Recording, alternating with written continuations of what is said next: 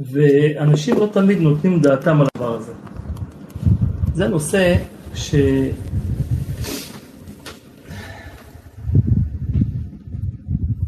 הוא נוגע לפרשת שבוע, כי קראנו על סדום. איך אפשר להוציא דין מסדום? סדום רק עשתה, הביאה דינים לעולם במובנים אחרים. אתה אומר פחות משווה פרוטה. אני אגיד לכם דבר, דבר מעניין. אם אני אספיק, אני אגיד לכם שני דברים בכל שם משפט, תלוי לפי ההספק שלנו. שני הלכות חשובות שלא תמיד נותנים את הדעת. בוא נניח שיש לי דבר,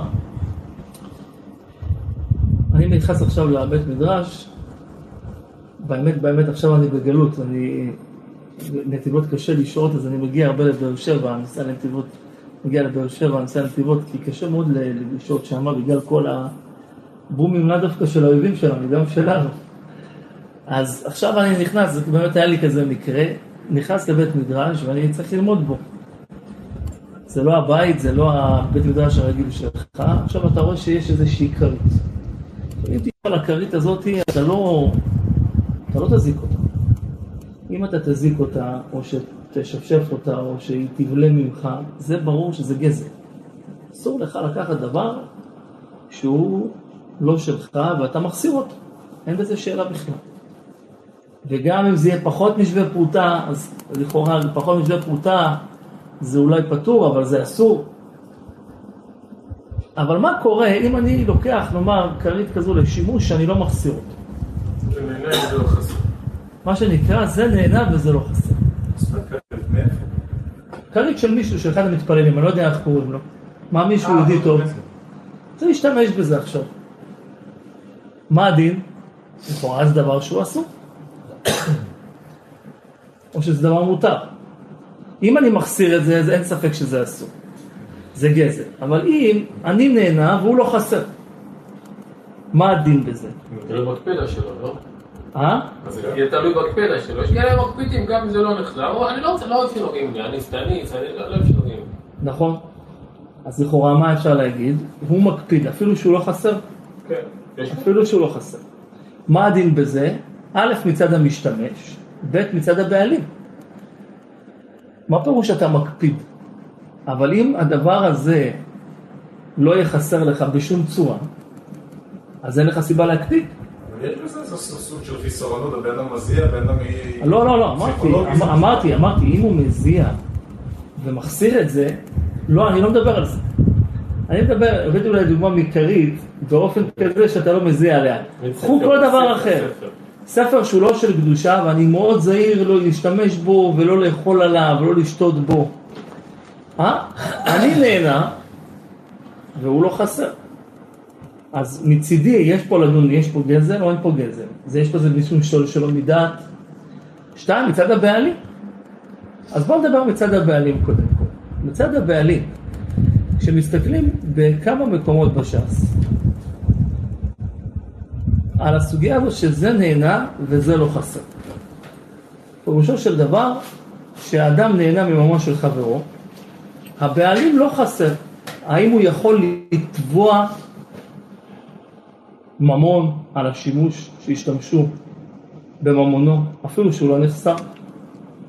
או שהוא, האם הוא יכול למנוע שלא ישתמשו, אפילו שהוא לא נחסר או לא? בכל המקומות האלה כתוב, כופין על מידת סדום. עכשיו, אני אתן לכם דוגמה שכתובה בגמרא, יש לזה המון סוגיות, אני אתן לכם דוגמה אחת. יש גמרא בבבא בתרא לגבי יורשים. מה קורה אם אני בכור נניח, ויש לי, ויש יש אח אחד שהוא בכור, יש לו עוד אח צעיר ממנו, ואביהם נפטר. עכשיו, הבכור מגיע לו פי שניים, חלק בכור וחלק פשוט זה נקרא. עכשיו, האבא, יש לו שלוש שדות, שלא נסתבך בחשבון, יש לו שלוש שדות. כולם שוות. שוות בדונמים, בשבח שלהם. עכשיו הוא בא ואומר, תשמע, אני רוצה את שני החלקים שמגיע לי, תן לי את שניהם בשכונה ה' בבאר שבע, סמוכות, ואת השדה השלישית שהיא נמצאת בדבר החדשה, כן? תיקח את זה אתה. השני אומר לא. הרי נכון, מגיע לך שתי שדות ולי מגיע אחד. בוא נעשה חצי חצי. אני גם רוצה. עכשיו הן שוות. מה הדין בזה? הדין בזה אומרת הגמרא, שזה ברור לכל הדעות כי זה גזירת הכתוב פי שניים, מקיש חלק בכור לחלק פשוט, שהוא מקבל אותה במקום אחד. זה פשוט וברור. החלק של הבכור, הוא מקבל אותה בחלק שפשוט באותו מקום. אבל מה קורה אם שניהם לא בכורים? פה השאלה מתחילה בגמרא. ואחד קנה, קנה בית, קנה שדה, לצורך העניין שהתחלנו בו. קנה שדה בשכונה, בבאר שבע. אולי הוא אחד מהם בכור מהבנים. לא, אני עכשיו עוזב את הבכור, כי בבכור זה מוסכם לכולי עלמא, זה הגזרת הכתוב שהוא יקבל את שני החלקים במקום אחד. לא משנה בחור לא יכולים לעכב עליו. זה תורה. רבי נתנאל, אם בחור מאבא או בחור מאמא זה לא משנה? לא, בר- ברור שזה משנה. אה, דווקא מאבא. מאבא, ברור. עכשיו, אני אומר ככה, באים עכשיו שני אחים אחרים, שניהם לא בכורים. אבא שלהם נפטר, בשיבה טובה, והוא, והם עכשיו, הוא השאיר עכשיו שלוש שדות. עכשיו, בא אחד, אומר, תשמעו, חבר'ה, אני, עוד כשאבא חי, אני, יש לי כבר שדה ב- בשכונאי. אבא השאיר שדה אחת בשכונאי, ועוד שתי שדות, אחד בו' החדשה, אחד בט'. אז הוא אומר, חבר'ה, אני רוצה את השדה שמגיע לי, תנו לו את הסמוכה לשל, לשל, למה שיש לי כבר. למה? כי ברור שכשיש לבן אדם שתי שדות, לא. אז הוא יותר חוסך בפועלים, בהחזקה, בכל הדברים האלה. תנו לי אותם! אה? התעייפת הרב זה? לא, בסדר גמור. פחדתי שתתעייפת, עוד התחלנו. אז הוא אומר, תנו לי את זה לידי. חבר'ה, תשימו, אתם תשמעו את הדברים, זה דברים מאוד חשובים. ללמוד אותם, משום מה לא מדברים על זה הרבה. מה, דיני ממונות? בדיני ממונות. אני עכשיו נותן דוגמה ירושה. הש"ס מלא בדוגמאות מזה, אני תיקחתי דוגמה אחת. חושן משפט זה המקור על זה, לא? כן. עכשיו, הוא בא ואומר, חבר'ה, תנו לי לידי, כבר יש לי שדה. מה אכפת? מה הם אומרים לו? לא. השדה ב, גם אנחנו רוצים. שדה ב. עכשיו, הם כולם שוות באיכות. אם הן לא שוות באיכות, אני לא מדבר. אבל הן כולם שוות, באותם איכות, באותו איכות. הגמרא אומרת שנחלקו בזה אמוראים. דעה אחת אומרת, הוא יכול לכפות את כל האחים. שייתנו לו את השדה ב לידו. למה? הרי לכם זה לא משנה איפה תקבלו. אבל לי זה כן משנה. זה נהנה, זה שיש לו כבר שכונה והוא נהנה מזה, ואתם לא חסרים, כופין על מידת סדום. מה- נכנסו פה נכנסו פה מידת סדום? אנחנו כבר נסביר. אנחנו כבר נסביר את זה. כופין על מידת סדום, הוא לא יכול, הוא לא, הם, הם לא יכולים לעכב באדם, הוא יכול ליטול. השני אומר לא, אולי הוא יכול להגיד להם, שמא זאתי מתברכת בגשמים יותר, אז כבר, זה לא בדיוק, אתה עיניו והם לא חסרים, הם מוצאים איזשהו פטנט, אז הוא, הוא בסוף אומר שכן אה, יעשו גורל ו- ויקחו את הכל, ייקחו בשווה. מה זה כופין על מידת סדום? מה זה? מה זה הדבר הזה? הנוסח? כופין על מידת סדום. אז באמת, רש"י בכמה מקומות, גם בעירובין, בבא בתרא, בכמה מקומות רש"י אומר, כל זה נהנה וזה לא חסר, הרי זה מידת סדום. כשאנחנו פותחים משנה, המשנה אומרת במסכת אבות, אתה אומר שלי שלי ושלך שלך, יש אומרים הרי זו מידת סדום. מה זה שלי שלי ושלך שלך? זה מה שנקרא בעברית שלנו, שלום שלום ואל תבוא לי בחלום. אני לא רוצה להסתכסך איתך, אני לא אגע בשלך ואתה לא תיגע בשלי. זה לכאורה. זה קשור עדיין לזה עניין וזה לא חסר? לכאורה עדיין לא. הוא בסך הכל מה אומר? הממון שלי שלי, הממון שלך שלך, אני לא לוקח בשלך, אתה לא נוגע בשלי. עדיין לא כתוב פה מפורש שזה עניין וזה לא חסר. אז באמת, רבנו עובדיה ברטנורה מרגיש בזה, במשנה באבות. והוא אומר, כשבן אדם חורט על דגלו הנהגת חיים כזו, שלי שלי ושלך שלך, מה זה גורם? שגם כאשר יבואו וירצו ליהנות מממונו, כשלא מחסירים אותו, אבל הוא תמיד דוגל בשלי שלי ושלך שלך. אז ממילא הוא יימנע. ממילא מידת סדום שלי שלי ושלך שלך ודאי הביאה אותם לעכב גם במקרה שזה נהנה וזה לא חסר. תפסנו מה אמרתי או לא תפסנו? שזה יביא למידת סדום. מה מה? שזה יביא בהמשך למידת סדום. זה, כי זה יביא למידת סדום, יביא בדיוק, כן. איזה מידת סדום? שבאופן כזה, זאת אומרת סדום, כתוב במשנה מפורש שאמרו שלי שלי ושלך שלך. שאלתי שאלה, איך, איך, איך בכל הש"ס אומרים מידת סדום, כינוי והגדרה לזה נהנה וזה לא חסר. הרי סדום, הם, הם, הם היו יותר מזה, הם אמרו שלי שלי ושלך שלך. לא חילקו בין נהנה וזה לא חסר או לא. הם בכל מצב אמרו את זה, התשובה היא, כשבן אדם מתרגל לחיות בהנהגת חיים שלי שלי ושלך שלך, גם כשיבואו ליהנות ממנו, כשהוא לא חסר מממונו, מה הוא יעשה? הוא מעכב, כי הוא מנע את עצמו מהחסד. רגע, רגע, רבי נתן. הוא לא מאפשר לאף אחד לגוע בממונו בשום צורה. אז גם כשאחר ירצה לקחת מממונו, כשהאחר נהנה והוא לא חסר, הוא גם כן יפריע. תפסנו? רגע, אבל הבנתי. מה שאומר שלי שלי ושלך שלך זה אומר שהוא אומר, אני לא נותן את זה לאף אחד, מה ששלי אף אחד לא לוקח, מה ששלי- מה שלא שלי אני לא בדיוק, אני לוקח. לא נוגע בשל אחרים. ואתם תיגעו בשלי. רגע, וגם כשהוא צריך עזרה זה גם ככה זאת אומרת הוא לא יבקש עזרה. הוא לא יבקש עזרה, הוא אומר שלי שלי, שלך שלך. גם כשהוא צריך עזרה. הוא לא עד כדי כך חצוף להגיד, כמו הרשע שמה, שלי שלי ושלך שלי. זה- לא, זה כבר זה המידה הבאה. שכתובה במשנה. הוא אומר שלי שלי ושלך שלך. מה זה גורם? שגם כשאחרים, שימו לב, גם כאשר אחרים ירצו ליהנות ממנו והוא לא חסר, הוא ימנע אותם. לכן בכל מקום זה נקרא, שאתה דן, זה הנה וזה לא חסר, כופין על מידת סדום. שמענו? שמענו או לא שמענו? כן, אבל- כן. אגב, אני, אני אגיד לכם דבר ש, ש, שהתחדד לי, אבל מה זה כופים על מידת סדום? מה הכוונה? שאם בן אדם, עכשיו למשל יורש, במקרה שלנו, האח ההוא אומר, תנו לי את הקרקע שמגיעה לי ליד הקרקע שיש לי כבר, אני נהנה, ואתם לא משנה לכם אם זה יהיה בו' או בט' או ב... אבל לא בנחל. העשן. לא אכפת לכם איפה זה יהיה, אבל לא זה משנה.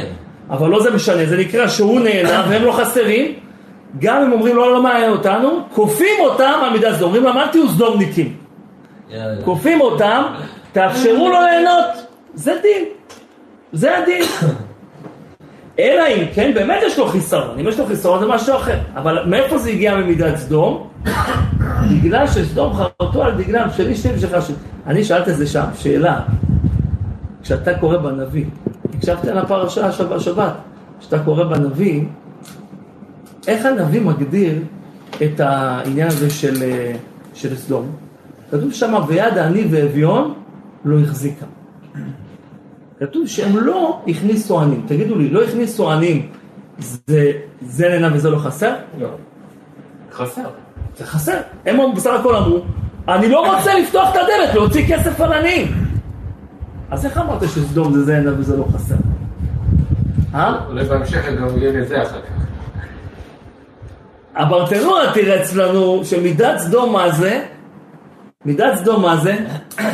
מידת סדום זה שלי שלי שלך שלך, מזה הוא יגיע שגם כשירצו ליהנות ממנו, מממונו, לא והוא לא חסר הוא גם יקפיד. אבל, אבל בנביא כתוב שהם בסך הכל סדום לא רצו להכניס עניים לבית, זאת אומרת שהם לא רצו שיחסירו מממונם. אבל לא כתוב שהם הקפידו גם במקום שהם לא חסרים. ככה אני שאלתי. אבל יש דבר שמעת את השאלה? מה, הם לא... האדם שלא מכניס עני לביתו, מה פירוש? הוא לא רוצה להוציא כסף. זה לא שהוא לא רוצה לאפשר לעני לישון על שזה הרצפה צדקה. והוא לא חסר. אלא הוא לא רוצה להוציא עליו. אבל בגלל אז לכאורה זה לא צדקה, קשור. כן, אין בעיה, תגדיר את זה צדקה, לא, תגדיר את זה... מהצדקה. אבל הוא- צריך להוציא לו תפוזים. כן, אוכל. אז האוכל זה נקרא שהוא מוציא מממונו. אז אז זה לא נקרא שאני מונע אחרים מליהנות כשאני לא חסר. אני מונע מאחרים ליהנות על חשבון חסרוני. אז מה, למה כינו את כל זה, אין וזה לא חסר, כסדומניקים? למה, למה כינו את זה ככה? אתם שומעים? התשובה היא, כתוב ביחזקאל שמה עוד מילה לפני. כתוב סדום גאון שבעת לחם. ויד עני ואביון לא החזיקה. שמעתם? כתוב שהיא הייתה גאון שבעת לחם. היה להם כזה שפע, גאון שבעת לחם, ויד עני ואביון לא החזיקה. זה פסוק ביחזקאל. מה יחזקאל מדגיש? הוא לא רק אומר שהם לא הכניסו עניים, הוא מקדים לזה שהיא הייתה גאון שבעת לחם. זאת אומרת, היבול שם היה כל כך שופע, זה לא יש. כל כך הרבה עגבניות, כל כך הרבה חיטים. יש, יש, יש שפע, יש יותר מדי. ככה הוא זורק, אז זה כאלה שלא חסר. אז, אז גאון שבעת לחם. אז במקרה כזה, איך יד ואביון לא החזיקה? פה אתה לא יכול להגיד, אני לא מכניס עניים שלא יחסירו לי.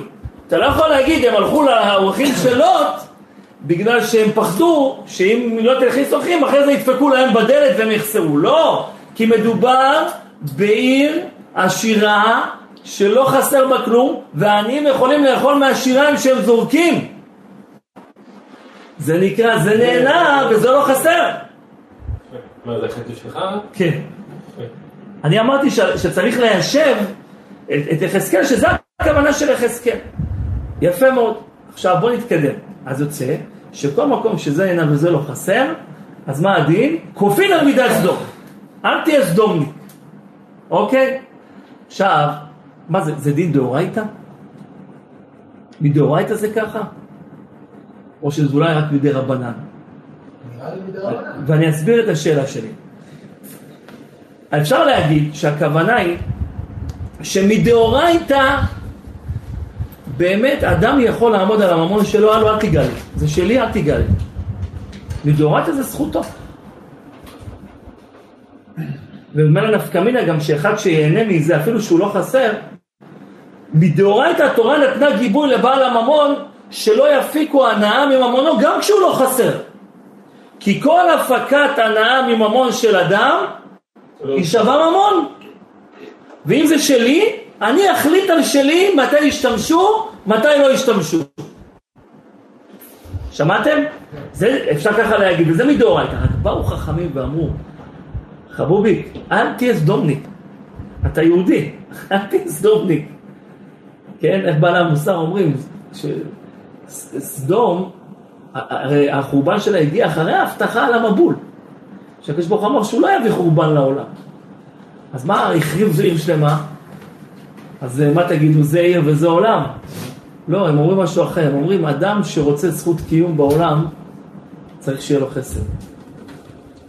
כשבן אדם חורט על דגלו, פה בעיר לא יהיה חסד, אין לו זכות קיום. זה ממילא, אין לו זכות קיום. למה? בגלל שכל? הזכות, עולם. חסד ייבנה כפשוטו. מה אתה אומר? המובן הפשוט של זה, זה שכל בן אדם מאיתנו הרי טועה. אף אחד מאיתנו לא פרפקט. מה? הרי כולנו זקוקים לחסדי השם. אז ברגע שאתה לא פועל חסד לאחר, הקדוש ברוך הוא לא יפעל חסד איתך. אין לך זכות קיום. אה, זה אחד מהחוקים. שבבריאה, הנגור. אז, אז ממילא אני רק אומר את זה בסוגריים. באו חכמים ואמרו, מדאורייתא באמת אדם יכול לעמוד על שלו. כל הפקת הנאה מממון שלך, גם אם אתה לא נחסר, שווה ממון, אתה לא חייב לתת. אבל החכמים באו ותיקנו, כופי על מידת סדום, אל תהיה סדום. אבל אפשר להגיד שלא. מדאורייתא, התורה אומרת, אדוני, אתה בעלים על שלך רק כאשר מחסירים ממך. אבל אם לא מחסירים ממך, אל תהיה סדומניק מדאורייתא. שמעתם את שני הצדדים? זאת אומרת, כל המחסירים זה מדאורייתא. שזה, הנהנים ממך ואתה לא חסר, זה התורה תופסת אותך מהצבא, תאפשר שימוש. רק להיות באדם של חסד, כן? כן. זה השאלה שלי. האם מדאורייתא זה לא רק חכמים באו ותיקנו את זה או לא? זה באמת מחלוקת ראשונית. זה נפקא מינה, אם יש בזה הרבה אם נפקא הוא מינה. מקפיד או לא. כי אם אתה לא מסתפק, הוא מקפיד, אתה מסתפק דרבנן לכולה. ואתה יכול להשתמש לו בצד. הנה חינמי. אה? הנה דאורייתא, אה, אולי הוא מקפיד. הנה דאורייתא, נכון. נכון, הנה חינמי, אני שומע, רבותיי, אז כשאני מסרתי את זה פעם לפני קהל אברכים, אז קפץ מישהו ואמר לי, מאיפה, מאיפה בכלל יש לך מקום מדאורייתא לזה? למה? שזה הנה וזה לא חסר, מהתורה אסור. וזה רק משנה באבות. אומר שלי, שלי, שלך, שלך, וזה גמרא, אבל איפה יש לך מקום? אז אמרתי לו שאחד מהפוסקים הביא לזה מקום. מה המקור? הגמרא דורשת מסכת סנהדרין, צדק צדק תרדוף, דורשת כמה דרשות. שצריך, מה שנקרא, לחפש עוד צדק ועוד צדק ועוד צדק בכמה מישורים. אבל הגמרא אומרת שמה עוד דרשה מעניינת מאוד. אתם יודעים שכשהיה פה, אה, הגמרא אומרת ש...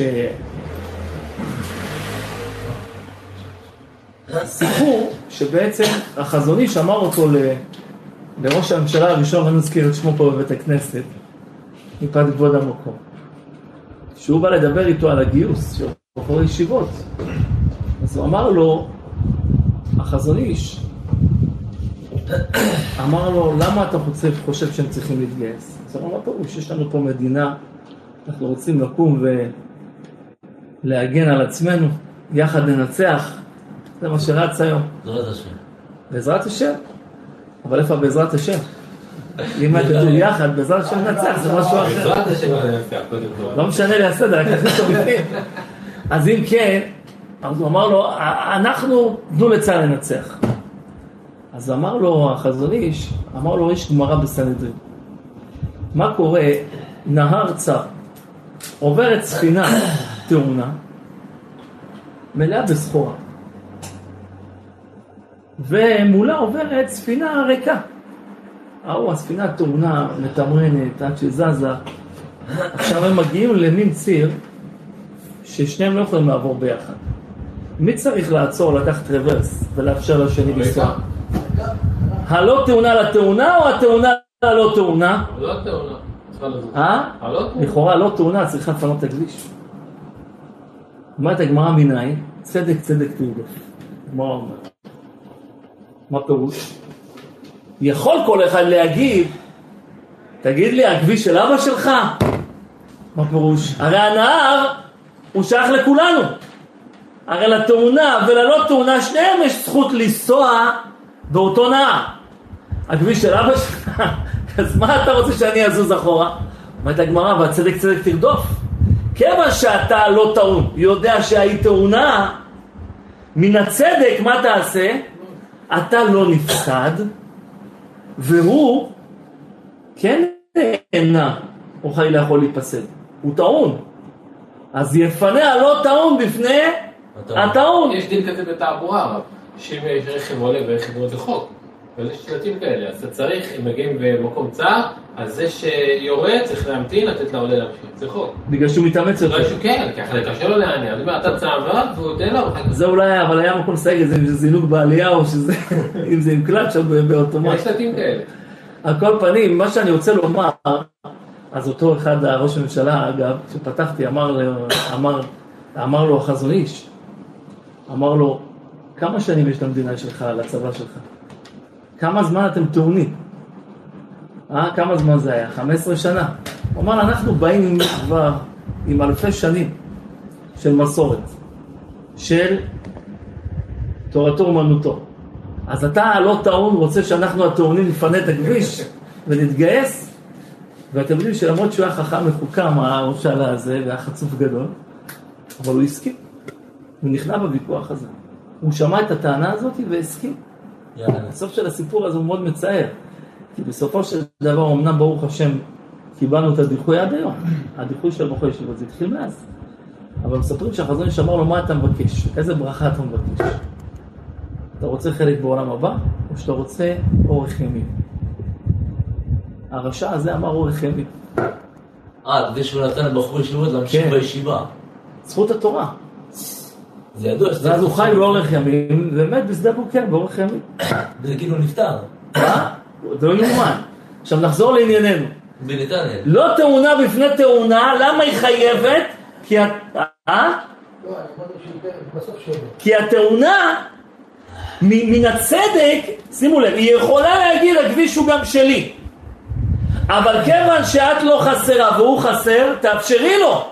מבינים אותה? מנסה להפשיט את זה כן, כמה שיותר. לא- זה לא כל כך דומה, כי היא חסרה, היא צריכה לעצור, היא צריכה... מי? איפה? הלא תאונה? כן, לא, הלא תאונה, כן. הלא תאונה חסרה? כן, היא מתעכבת. היא צריכה לעצור, לו לעבור, יש לה קצת הפסד. לא בדיוק, שם מדובר באופן שהיא לא חסרה. חסרה. ובכל זאת כתוב, צדק צדק תרדוף. הנה יש לנו מקור אולי מדאורייתא. אז באמת, יש ראשונים שאומרים שזה מדאורייתא כופין למידת סדום. שימו לב, לפי שיטתם, במקום שזה נהנה וזה לא חסר, מדאורייתא מה אנחנו צריכים?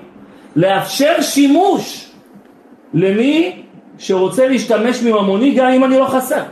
אין כזה להגיד שלי שלי שלך שלך, אל תהיה סדומניק מדאורייתא. אבל דעת הרצבה, מחכמי התוספות, הרצבה, נמצא בבבא בתרא בדף י"ב בתוספות, הוא אומר שזה רק תקנת חכמים. מדאורייתא, כל ממון הוא שלך, וכל הפקת הנאה מממון שלך צריכה כתשלום. אתה יכול לעמוד על שלך להגיד לא מוכן, אף אחד לא בכוונה, אבל חכמים אמרו, אל תהיה סדומניק במקום שאתה לא חסר, תאפשר שימוש. מובן עד לפה או לא מובן? מובן או לא מובן? יפה. עכשיו, בואו נתקדם. כאשר אנחנו, אז לפי זה יוצא, שאם אנחנו חוזרים לשאלה הקודמת, האם אדם יכול להקפיד על ממון ש... שלא, שאחר ייהנה ממנו והוא לא, יחס... לא, לא יחסר, האם הוא יכול להקפיד על זה או לא? אז התשובה היא, ממה נפשך? בין אם זה מדאורייתא, בין אם זה מדרבנן, או מדאורייתא או מדרבנן, יש לו בעיה של כופין על מידת סדום. אל תקפיד על דבר שאחר ייהנה מממונך ואתה לא חסר, כי אחרת אתה סדומניק. פשוט זה ככה. אבל אם הוא עושה את זה, השאלה אם לך ממנו. כמו בשמיטה, אם אתה לא מפקיר, אז מותר לך... אתה שואל מה אם הוא מה? אם הוא לא עושה את זה, עובר על התורה. לא נכון, עכשיו יפה. השאלה לך אם מותר לקחת. יפה מאוד. אם אדם... הוא לא מפקיר, הנפקא- לקחת. לכאורה כל הנפקא מינה זה דאורייתא או דרבנן. אם הוא ח- אני חייב לאפשר לו, אז הוא לא יכול להקפיד. זה שהוא מקפיד, התורה הפקירה את ממונו, מה פירוש שאתה מקפיד? אה, אתה מופקר? אם זה מדאורייתא, זה לא- למה- זה לא עניין זה דורייתא או דרבנן. אם זה מד- אם זה מד- הוא צריך להפקיר. אה, לא הפקיר, לא, אני אסביר לך למה, כי אם מדאורייתא התורה מאפשרת לו לשמור על ממונו, והחכמים תקנו, אז הוא לא שומע לחכמים. אז במקרה כזה, עדיין יש לזה שם של גזל. הוא לא שומע לחכמים, אבל אתה, אתה לא יכול להיכנס לממון שלו. אבל אם מהתורה, התורה אומרת לו, אין לך בעלות כביכול על הנעת ממון מממונך במקום. הפקיע את זה ממנו, או שרק אמר לו תעשה משהו. זה נקרא כופין על מידת סדום, זה השאלה שלי. הצד שלי בדאורייתא זה שהתורה כפתה אותו על מידת סדום, התורה הפקיעה את הבעלות שלו על הממון לעניין זה. בגלל זה אמרתי שזה היה נפקא מינה. עכשיו רבותיי שימו לב, אז בקשר לצדק צדק תרדוף. עכשיו אני רוצה לשאול אתכם שאלה, רגע, שים מדאורייתא זה אסור לו כאילו להקפיד? בדיוק, אם זה מדאורייתא הוא לא יכול להקפיד, לא הוא לא יכול להקפיד, אבל אם זה מדרבנן, אז גם הוא לא צריך להקפיד, כי חכמים חייבו אותו, אבל, אבל הנפקא מינה רק תהיה אם בכל זאת הבן אדם מקפיד, אז כדאי שאתה תימנע מזה, כי חכמים תיקנו שתימנע מזה. אם מדאורייתא הפקיעו, אז זה מותר, אבל אם זה רק, מדאורייתא באמת, זה עדיין בשליטה שלך כבעלים. נתנו לך את האופציה, רק חכמים תיקנו, אז פה זה כבר אחרת. רבותיי, עכשיו, עכשיו בואו נחדד חידוד. אתם מרוכזים או שאתם עייפים מה... לא, אם מותר לך ליהנות מממון של השני, במקום שאתה לא מחסיר אותו. אתה רוצה להשתמש עכשיו בספר, ואתה תשמור עליו שהוא לא ייפגע בכלל, לא תאכל, לא תשתה, לא תתעטש עליו, כלום. לא תשתה עליו. ואתה מחזיר אותו, אתה אומר, שמע, אני לא החסרתי אותך. או שאתה אומר, לא, הבן אדם יכול להגיד לך, אדוני, אני לא רוצה שתיגע בחפצים שלי. אז אנחנו אמרנו פה יסוד, שאדם שנהנה מדבר באופן שהשני לא חסר, הדבר הזה, הדבר הזה, מצד הבעלים. אומרים לו, אדוני, אם אתה מקפיד על השני באופן שהוא לא חסר, שאתה לא חסר מהשימוש שלו, אתה סדומניק, אתה מסדום. כי סדום היו מקפידים שלא ייהנו מממונם, וכופין על מידת סדום. זאת אומרת, מאפשרים לך את השימוש של זה, ש, ש, שאדם לא יקפיד. רק אמרנו שיש פה שני צדדים, זה מדאורייתא או מדרבנן, זה מחלוקת ראשונית. עכשיו, רגע, הרב, אם דוגמה אני רואה מגבת בשמש, ואני יודע שאני אנגב בידיים נקיות ככה, ועוד שנייה תתייבש. זה לא מה- מחסיר מהמגבת, זה מותר, זה אסור. השאלה אם... זה הסוגיה. זה הסוגיה לא, זה בדיוק. מגן. אסור. משתמש במגן של מישהו אחר. אז אני אגיד לך. לא, הוא לא החסיר מהמגבת, אבל איך מותר?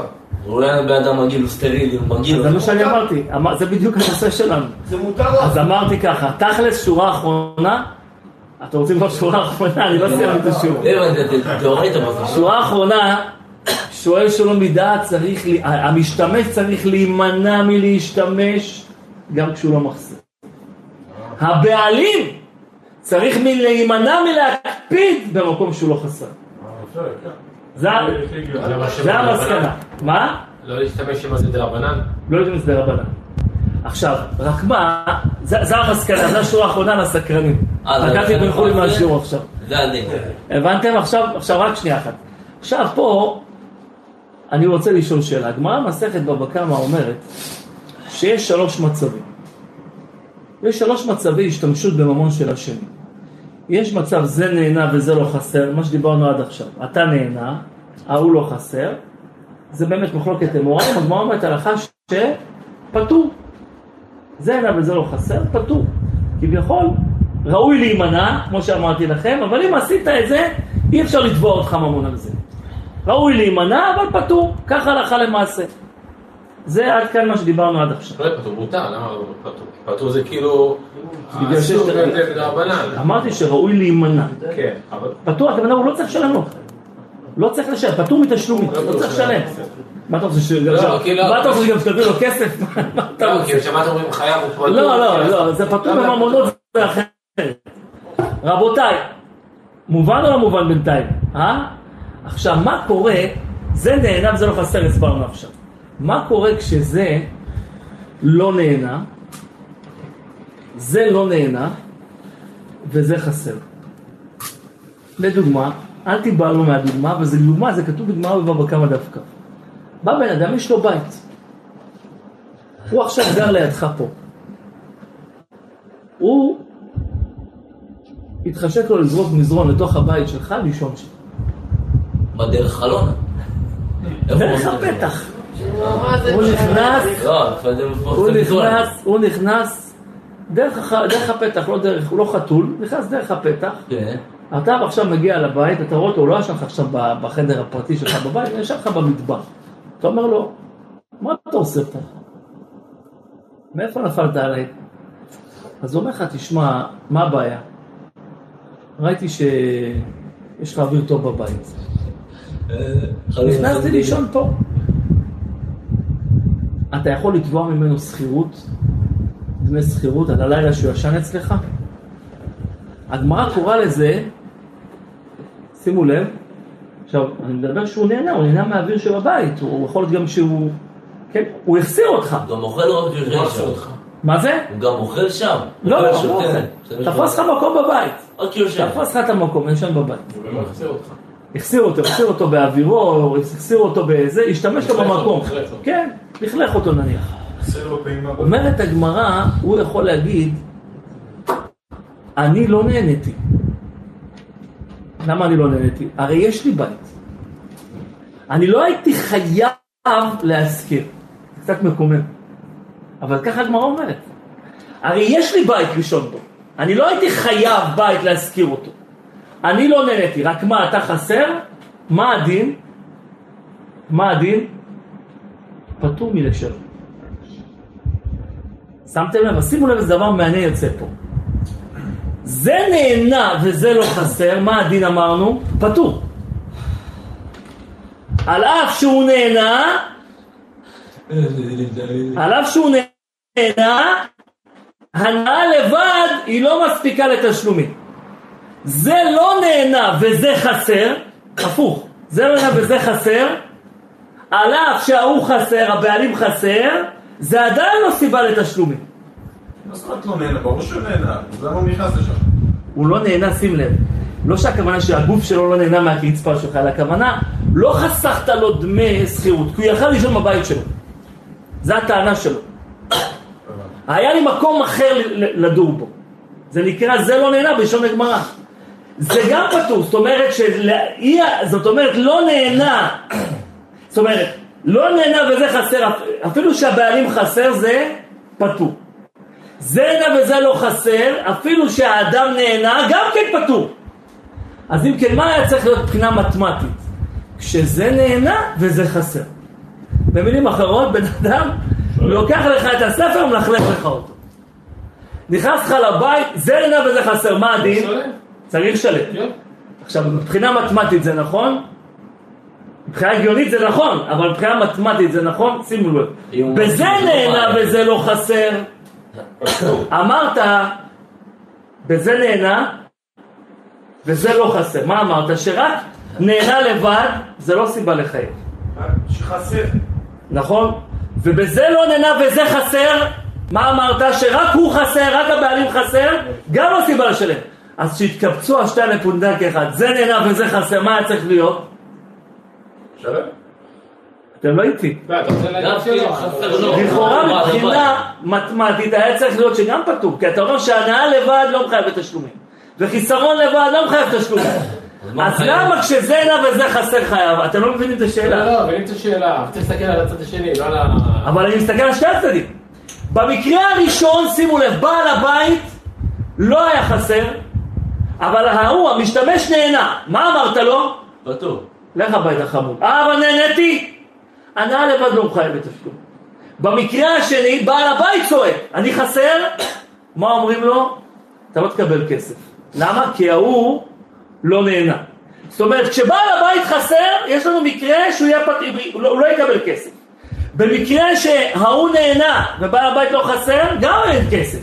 אז למה כשאחד נהנה ובעל הבית חסר, אתה מחייב אותו בתשלום? איי, איי, בולבול. מינוס ומינוס פלוס. אתם לא לא מבינים את השאלה? זה קושיית הפני יהושע, התשובה לזה היא נפלאה, וזה מה שנקרא הפאנץ' שמחדד את פרופיל המידע סדום. מה התשובה בזה? שימו זה לב. שאלה בעיון. זה- בכל מקום, זה שאלה עיונית. זה אבל לא, אני לא התכוונתי לסבב לכם, רק שאלה אחת בעיון אמרתי לכם. התשובה בזה היא נפלאה ביותר. מאיפה הפילוסופיה שלך התחילה? מזה שזה נהנה וזה לא חסר, הנאה לבד פטור. אז ממילא שאלת, גם כשהוא נהנה והוא חסר יהיה פטור, נכון? אתם איתי? שתיהם צריכים להיות... שונים התשובה היא לעולם הנאה מממון של חברו היא שווה תשלומים. אין כזה דבר לקחת חפץ של חברי, ליהנות ממנו ולהגיד אני לא נהניתי פה. נהנית.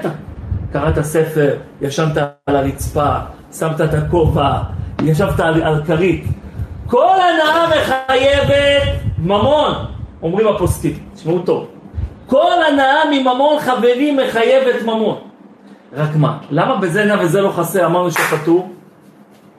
לא? בגלל שכאשר הוא לא חסר, הבעלים לא חסר, זה רשעות והשחתה מצידו ללכת לתבוע את ההנאה. הייתה הנאה ששווה ממון, אבל זה רשעות מבחינתך לקחת, לתבוע כסף על דבר שלא נחסכת. עוד פעם, הנאה לעולם שווה ממון, וכל הנאה מדאורייתא שווה ממון, ולכאורה היה צריך לשלם.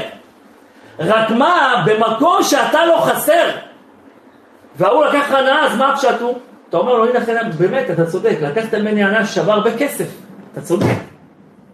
הרב, אפשר לזרוק מזרון בבית של איתן היום. לא, אני רוצה לומר עכשיו מה שאתה... רציתי להגיד משהו אחר, שאנשים באים לשמוע שיעורי תורה, שהרבנים מקבלים אה, שכר על זה, נו, אז אלה שבאים לשמוע שיעורי תורה, הם נהנים, אבל משאירים את הגבי חסר. זה וזה חסר חייב. הגבה הזה לא פראייר. הגבה זה לא פראייר, אל תעז לשים מזרון בבית שלו. ברוך אתה אדוני אלוהינו מלך העולם, שהכל נהיה. אמן. אבל לפי התשובה שעכשיו הרב הולך לבנות, בכל זאת לא פתר לנו את הקטע המתמטי, רק עוד פעם מסביר לנו בשכל. לא, זה פותר, סופר פותר. אז אני עכשיו אסביר לך את זה, ואם אתה לא רוקד, לא הבנת. כי תשמע, זה פשוט לא. כל הנאה מממון היא שווה ממון. לא... רק במקום שההוא לא נחסר, הוא לא יכול לתבוע אותו. כביכול, הוא אומר להוא, אה, לקחת הנאה, שווה 100 אלף דולר. אבל, לא, אבל זה רשות מבחינתי לקחת את זה ממך, כי אני לא נחסרתי.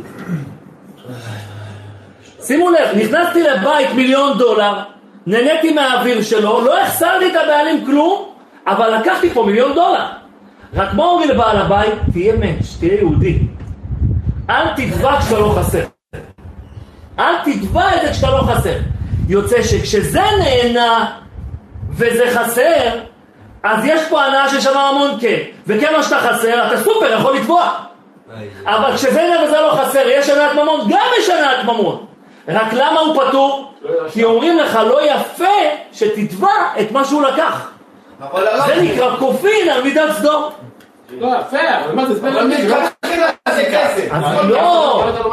אני אסביר לך למה, מתי זה המצב, לא הבנת עדיין, באמת לא הבנת עדיין.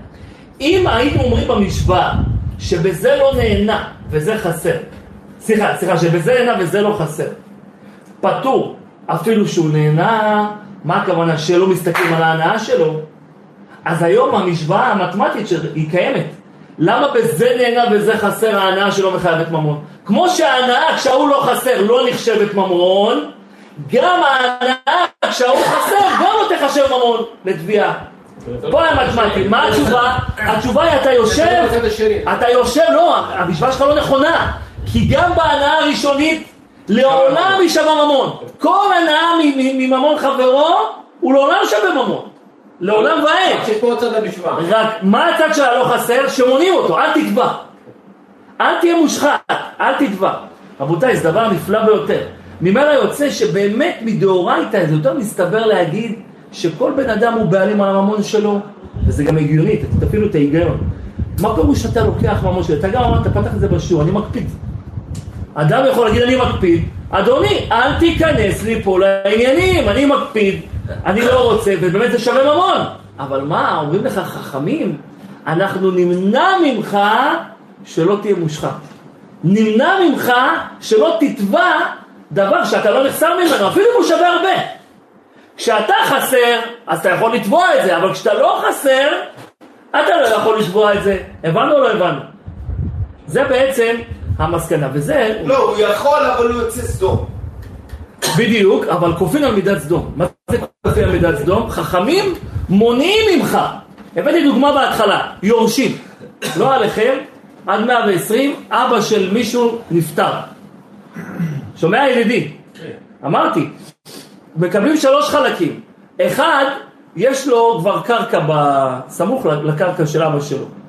הוא אומר, שימו את הקרקע שמגיעה לי ליד הקרקע שלי, זה יחסוך לי בשומרים, זה יחסוך לי במשאבים. ואתם תיקחו את החלקים האחרים. מה, מה האחרים אומרים לו? לא, אנחנו רוצים את הקרקע הזאת. מה זה נקרא? הוא, זה משנה לו שזה יהיה לידו. להם זה לא משנה. מה אומרים? לך הבא, לכו הביתה. כופין על מידת סדום. אומרים להם, כיוון שהוא נהנה, ואתם לא חסרים, על אף שכולכם זכאים באותה מידה אבל הוא גם חסר. לדבר הזה. מה? הוא גם חסר, לא רק נהנה. כי הוא צריך מה את זה? הדבר הזה. הוא חסר ממה שהוא צריך. הוא, כן. הוא, הוא, זה נקרא נהנה. כל הנהנה הוא בעצם, הוא יכול להיות לא, גם חסר. אבל הם לא חסרים. כן. כיוון שהוא נהנה והם לא חסרים, כופים אותם להסכים לתת לו. אז גם בן אדם שיש לו ממון ואחר נהנה מהממון שלו, אבל הוא לא נחסר, על אף שיש פה שווי ממוני. בהחלט, שהוא יכול לתבוע אותו, אנחנו מונעים ממנו את אנחנו כופים. אמרנו שזה רק מידע ראוי, לא, אפשר לקפוץ אז. אמרתי, את הבעלים כופין על מידת סדום. אבל המשתמש, כבר עכשיו מגיע ההורשה. עכשיו המשתמש עצמו צריך לדעת, שואל שלא מדעת, גזלן. אתה, כשאתה משתמש בחפץ של חברך, למה ראוי לך להימנע? הרי לכאורה, אם הוא חייב, סליחה רב, הוא פטור מתשלומים, אבל הוא גזלן. יש בזה משהו? כן, אומרים, ולמה? אני אסביר למה. אה, לכאורה, אם הבעלים עצמו כופין אותו לאפשר לך שימוש, אז למה שלי לא יהיה מותר לכתחילה? הת- התורה מחנכת את הרגישות לממון את שני הצדדים. אתה כבעלים, אל תקפיד על דבר שלא מחסירים ממך. אני, אני, אני ראיתי בשכונה כמה וכמה פעמים, כן, אני גר בדירת גן, לפעמים יש לאנשים כל מיני ספסלים וכל מיני דברים בחוץ, מחוץ לגדר שלהם. כן, בסדר, שמת את זה. אנשים לפעמים יושבים שם, לא מזיקים את זה. יושבים שם, לא משחקים על זה, לא מקשקשים על זה. אנשים סתם מקפידים. למה אתה מקפיד? זה נהנה וזה לא חסר. נכון זה ממון שלך, ונכון שההוא עייף מאוד ליד גן המשחקים, ליד יש שם גן משחקים, אז הוא רוצה לשבת וזה שווה לו הרבה עכשיו. מיליון דולר בשבילו, וגם יש שם צל. אבל מה אכפת? לא, לידי. יש, אנחנו בדירת גן, אנחנו, מי שמכיר בקהילות יעקב בנתיבות, אז אנחנו בשורת בתים ש... שהיא גובלת בגן משחקים מאוד מאוד גדול. אז ממילא מי שיש לו ספסל מחוץ לגינה, של, מחוץ לחצר שלו, אצלי זה דווקא מגודר, אבל אצל אחרים לא לאו דווקא. מה אכפת לך כשיושבים שם על, הגד, על הגדר אבן? מה אכפת לך? זה נהנה, זה לא חסר. התורה מחנכת מה? אתה אל תקפיד על דבר שאתה לא נחשף אליו. מצד שני, אה? יש לו זכות בכלל להקפיד, זה לא שייך לו. אבל, אבל, אני הגדר, אבל מה הגדרנו? מה הגדרנו? שכיוון שההנאה שהוא לוקח מהממון שלך, כל הנאה שאתה לוקח מממון של חברך היא שווה ממון. אבל זה לא שייך לחברו, זה מחוץ לגדר שלו. לא, לא, לא, שלו, שלו, אמרתי. איך, הוא? בנה, הוא בנה שם ספסל, הוא, הוא, זה, ספסל שהוא בנה אותו. מחוץ לגדר שלו? סמוך לגדר שלו, הוא שם שם ספסל, הוא יושב שם עם הילדים שלו. עכשיו אנשים, בגלל שלא מזהים את התפר הזה, אז יושבים על זה. אם לא מחסירים אותך, התורה מצווה אותך, תהיה רגיש לממון של הזולת. לא אל תקפיד, אפילו זה שווה ממון, ואפילו זה שלך. אבל מצד שני, השני, אם לא ברור לו שזה של העירייה, מה אומרים לו? אתה לכתחילה, אל תיגע. אה, אבל ההוא חייב. ישראל סלנטר הגדיר את זה, הוא אמר, אתה תדאג, אתה תדאג לעולם הבא שלך ולעולם הזה של חברך. מה הבעיה שלנו? אתה יודע מה הבעיה שלנו? שאנחנו דואגים לעולם הבא של חברינו ולעולם הזה שלנו. זה הבעיה. מה אני מתכוון? רק אני אסיים. מה- מה מה- מה אני מתכוון? אדם בא, אומר, אה, אתה אתה חייב אה, לוותר לי. אל תדאג לעולם הבא שלך ושל החבר שלך, מה הוא חייב בדיני ממונות. אתה צריך להימנע לא ליהנות, ולמה? כי הדבר הזה קרוב מאוד, קרוב מאוד, כשבן אדם מתרגל לשאול דברים שלא מדעת חברו וכשהוא לא חסר, תבחנו את זה. הוא מתרגל להשתמש בדברים של אחרים גם כשהם חסרים. זה דבר בדוק. אדם ירגיל בעצמו לא לשאול שלא מדעת שום חפץ. כי ברגע שאתה מתרגל לזה, אה, נכון שהבעלים חייב, ונכון שגם, ונכון שגם אם אתה תשתמש במקום שאתה לא חסר אתה פטור, אבל אל תתרגל לזה. אל תרגיל בעצמך לשאול ממון חברך שלא מדעת. כשיש רגישות של ממון, של- כשיש רגישות לממון של הזולת, אז הדבר הזה של מה רצית לשאול הרב? מה רצית לשאול? אה, מה רצית לשאול? זהו, הבנת את השאלה? כן, הרב שטיינמן, הראו ביוטיוב סיפור, כן, זכותו יגן עלינו, שנתנו לו פעם, צדיק כזה נתנו לו חמש אלף דולר, לשמור את זה, הוא אומר, מי ייקח לרב? זה אצל איזה מישהו. והלך הכסף, עכשיו, בשבילו זה המון הכסף, והוא לא לוקח. הוא השיג את הכסף והחזיר בן אדם, אמרו לו הרב, אבל אתה, איך זה נקרא, שומר, שכינה, שומר חינם או משהו. כן. אני לא רוצה שיבואו להגיד תביעה, הלך, הביא את הכסף, הוא לא עשה כלום, מה אני? אספר לך סיפורים על דיני ממונות עם גדולי ישראל, זה- זה- זה זה מביא על הרעיון. הוא על אני לא. רוצה שיהיה עוד שאלה אחת בשמיים, למרות שאני צודק, אבל אני לא רוצה ששם יתפתח כן, שאלה. שמכיר את הסיפור הזה? מה זה אה, רגישות? וואי, מה זה לקח רגישות? כסף, מה זה שמו רגישות? בן אדם. מה הוא אשם? גנבו את הכסף, או לא לא גנבו, מישהו, לקח הכסף. רבותיי, זה... קשור בך? טוב, אם היה לנו מקום מספיק זמן לפתוח את המוסר, הייתי פותח, אבל אין את הזמן לפתוח את זה. אבל זה ודאי ש, שאנחנו צריכים לדעת שבמצב שעם ישראל נמצא בו, זה מצב של דינים, כתוב שגזל מקטרג בראש. כששאה מלאה, גזל מקטרג בראש. עכשיו, זה שעם ישראל נמצא תחת דינים, זה לא סוד. זה, אנחנו נמצאים תחת דינים. מלאה הארץ חמאס. מלאה הארץ חמאס. אבל מה כתוב? כתוב ב- בתהילים, בפרק ע"ד כתוב, הבט לברית כי מלאה הארץ נאות חמאס. הבט לברית כי מלאה הארץ נאות חמאס. ככה כתוב. מה פירוש? אז אני אגיד לכם, אז אני, אני אומר את זה ממש ממש בקצרה, זה הרי ידוע שכל הנושא של הברית שקראת הקדוש ברוך הוא עם אברהם, תסתכלו בראשית פרק י"ז, ונתתי, כן, ו- ו- ואתנה את בריתי, ביני וביניך, וזרעך אחריך, אחוזת עולם, אחרי זה, את הארץ הזאת, ארץ כנען, והייתי לכם אלוקים, זאת בריתי ביני וביניך, עמו לכם כל זכר. זאת אומרת, הקדוש ברוך הוא מפורש אומר שהברית, האהבה, הברית שתהיה, איתו, אברהם אבינו, ועם זרעו, עם ישראל אחריו, הכל הכל יהיה עם הבטחת ארץ ישראל, זה יהיה בתנאי שיהיה לכם לאלוקים. שיהיה בינינו חיבור, חיבור עם הקדוש ברוך הוא.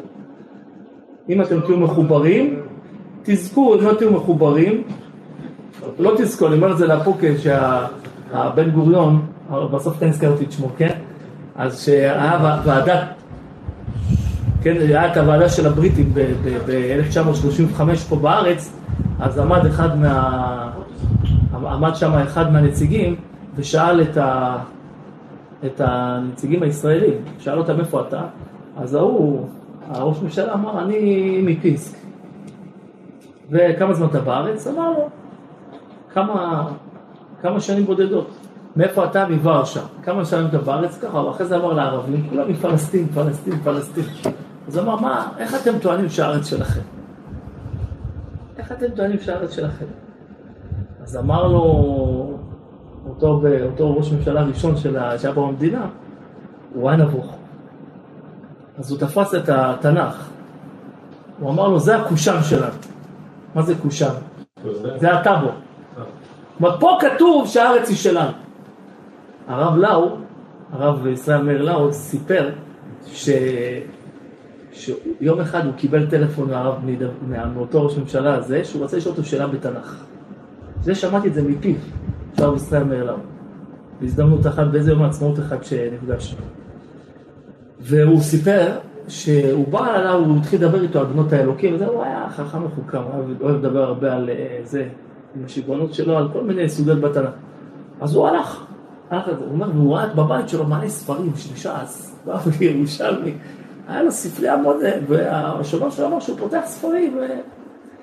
ואז אחרי שהם גמרו ללבן את הסוגיה הזאת בתנ"ך, אז הרב ישראל אומר לנו, שאמר לו, אפשר לשאול אותך שאלה? אמר לו, הסיפור הזה שמספרים, ששאלו אתכם, מאיפה אתה, מאיפה אתה, ואז בסוף אתה הרמת את התנ"ך ואמרת, זה הקושאן שלנו. זה נכון? אז הוא אומר שהוא, היה לו חיוך רחב. אז אמר לו, כן, זה נכון, אני כתבתי את זה בזיכרונות שלו. יש לו את היומן שלו. אז אמר לו, אני רוצה לשאול אותך שאלה. הוא אמר לו, מה דעתך על שניים שמתווכחים של מי הבית? זה אומר שלי, זה אומר שלי. זה אומר של אבא שלי, זה אומר של סבא שלי. הוא אומר, בסוף אחד מביא טאבו, אבל הטאבו הזה, הוא, הסעיף הראשון מחוק, הסעיף השני משטושטש, הסעיף השלישי מקושקש. ויש סעיף אחד שכ... שמראה שזה שלו. אתה היית מקבל כזה מסמך? לא. אה? אמר לו, היית מקבל? לא.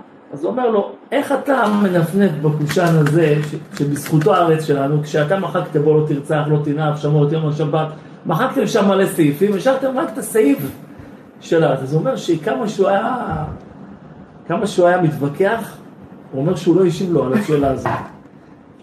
אנחנו מגיעים היום, יש לנו מלחמה מול הישמעאלים האלה, הישמעאלים הרשעים האלה, הזכויות הן גדולות מאוד, צריך לדעת את זה. זכויות של מצד של הישמעאלים. של זכויות? אמרתי, זה שיעור בפני עצמו, אולי יהיה עוד אה, הזדמנות. מחר, מחר. אגב, באמת רציתי להגיד שהיה פה, רב שעשה שיעור ואז דיבר על השמואלים, ואז אחרי השיעור הלכתי, הוא אמר איזה איזה וזה, הלכתי הביתה, אמרתי בואנה, זה לא נכון, תראה את הדרוזים, תראה את הדרוזים, אתה לא עושים, אתה יודע, הדרוזים איך... אם אתם רוצים, אני אתן על זה שיעור מסודר. אני רק אגיד, כן, אני לא אשאיר אתכם במתח, אני רק אומר, גם להם יש את הברית. רק שהזוהר הקדוש אומר, ואם בבלי נדל מחר אני אקרא לכם את הזוהר מבפנים, אני אביא את זה איתי, אם זה מחר או מחרתיים, מתי שתרצו. אז זה באמת, זה, זה שיעור מאוד מאוד יסודי על ישמעאל, וזה, מה, מה מהות הוויכוח בינינו, זה, אבל זה רק פן אחד, יש שם הרבה הרבה מה ללמוד, עוד, עוד רבדים. שבקיצור, הזוהר אומר, יש להם ברית, אבל הברית שלהם ריקה. וצריך להגדיר מה זה ברית ריקה. הם באים עם הברית, הם באים גם עם הרבה זכויות שנדבר עליהן מחר. והתפקיד שלנו זה להוכיח למה הברית שלנו היא מלאה ושלהם ריקה. כל זמן שלא נוכיח את זה, לצערנו, כמו מחר, יש להם לא מעט זכויות שלפעמים, מפחיד להגיד, יותר ממנו. עם התפילה גם, נכון? בתפילה בעיקר, באמונה הרבה, יש להם הרבה הרבה במה להתרברב. רק אנחנו נגדיר מה בית הוויכוח. לענייננו, הם צועקים הבט לברית כי מלא הארץ מאוד חמאס. זה בזכות הברית. בין הברית שהם עושים זה לא בדיוק אותו דבר. נכון, לא. נכון, ואף על פי כן, על זה אומר הזוהר, זה אני אקרא לכם את הברכה הזוהר, אם תהיה פה, שהזוהר אומר שעל אף שאין בריתם שלמה והיא ריקה משלמות, הוא אומר, לא ישובו ישראל לאדמתם עד שתכלה זכות המילה הריקנית הזאת מהם. זאת אומרת, משמע שהרבה שנים היא כן תתפוס. יש כוח לברית הזאת. לענייננו, כשיש כזאת מתיחות של דינים בינינו לביניהם, צריך להימנע מגזל, כי גזל מקטרים פה ראש, זה הנושא שלנו היום היה. אנחנו נימנע מלהשתמש בחפצים לא שלנו. גם אם האחר, כשאתה תהיה בעל הבית, אתה בעזרת השם תימנע לא להקפיד שישתמשו בממונך גם כשאתה לא נחסר, באופן שאתה לא נחסר. כשאנחנו נהיה, נקפיד על ידי ממונות, נסיר מעצמנו מעצמנו את כל הדינים, בעזרת השם נזכר את הרחמים. בעזרת השם, מחר אם תרצו, נתחיל את זה בצורה מסודרת בעזרת השם. בעזרת השם. בלי נדר. מחר. ברור. אה? מחר אתה נותן לנו את הפתרון. אבל לא כל הישמעאלים רעים. אני-